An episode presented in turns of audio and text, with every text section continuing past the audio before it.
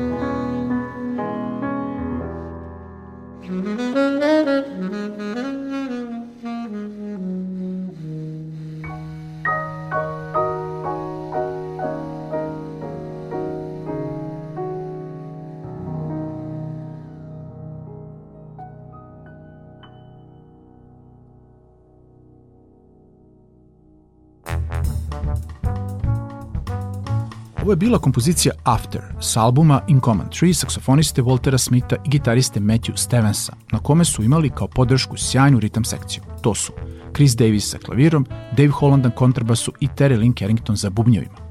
Verujem da će mnogi nakon preslušavanja ovog albuma poželiti da čuju prethodna izdanja ovog fantastičnog dvojca. A sad ću vam reći ko su im bili saradnici. Na albumu iz 2018. In Common to su Joel Ross za vibrafonom, Harish Raghavan za kontrabasom i Marcus Gilmore za bubnjevima. Dok su na sledećem In Common 2 iz 2020. bili Mika Thomas klavir, Linda Mayo na kontrabasu i Nate Smith za bubnjevima. Zaista impresivan spisak, a takvi su i albumi. U nastavku poslušamo još tri numere sa trećeg zajedničkog izdanja. To su Reds, Prince July, a nakon toga Familiar. Uživajte.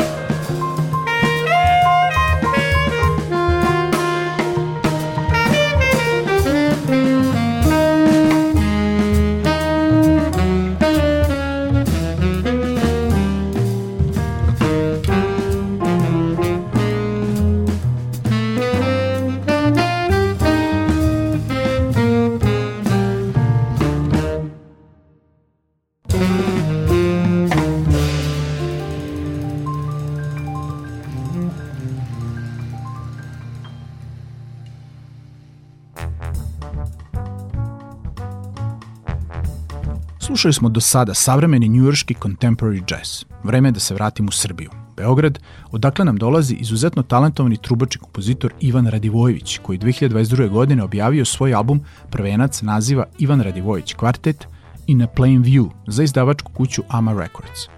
U njegovom sastavu se nalazi odlični pijanista Andreja Hristić, potom verovatno najangažovaniji kontrabasista na, na beogradskoj jazz sceni Boris Šainović, dok je za bubnjevima Bogdan Đurđević, po meni predvodnik nove generacije džez bubnjara na ovim prostorima.